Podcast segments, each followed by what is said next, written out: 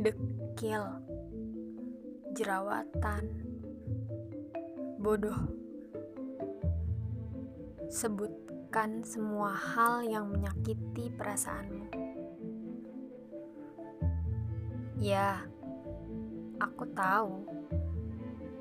Sakit sekali rasanya dikatakan demikian. Walau benar adanya, ada hal-hal yang tak perlu dikatakan daripada menyakiti hati seseorang. Tapi, dia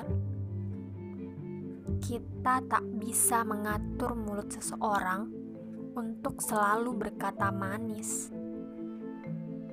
Tak bisa mengatur perbuatan seseorang untuk selalu berbuat baik. Yang kita bisa lakukan hanya mengatur pikiran kita agar tak jatuh mendengarnya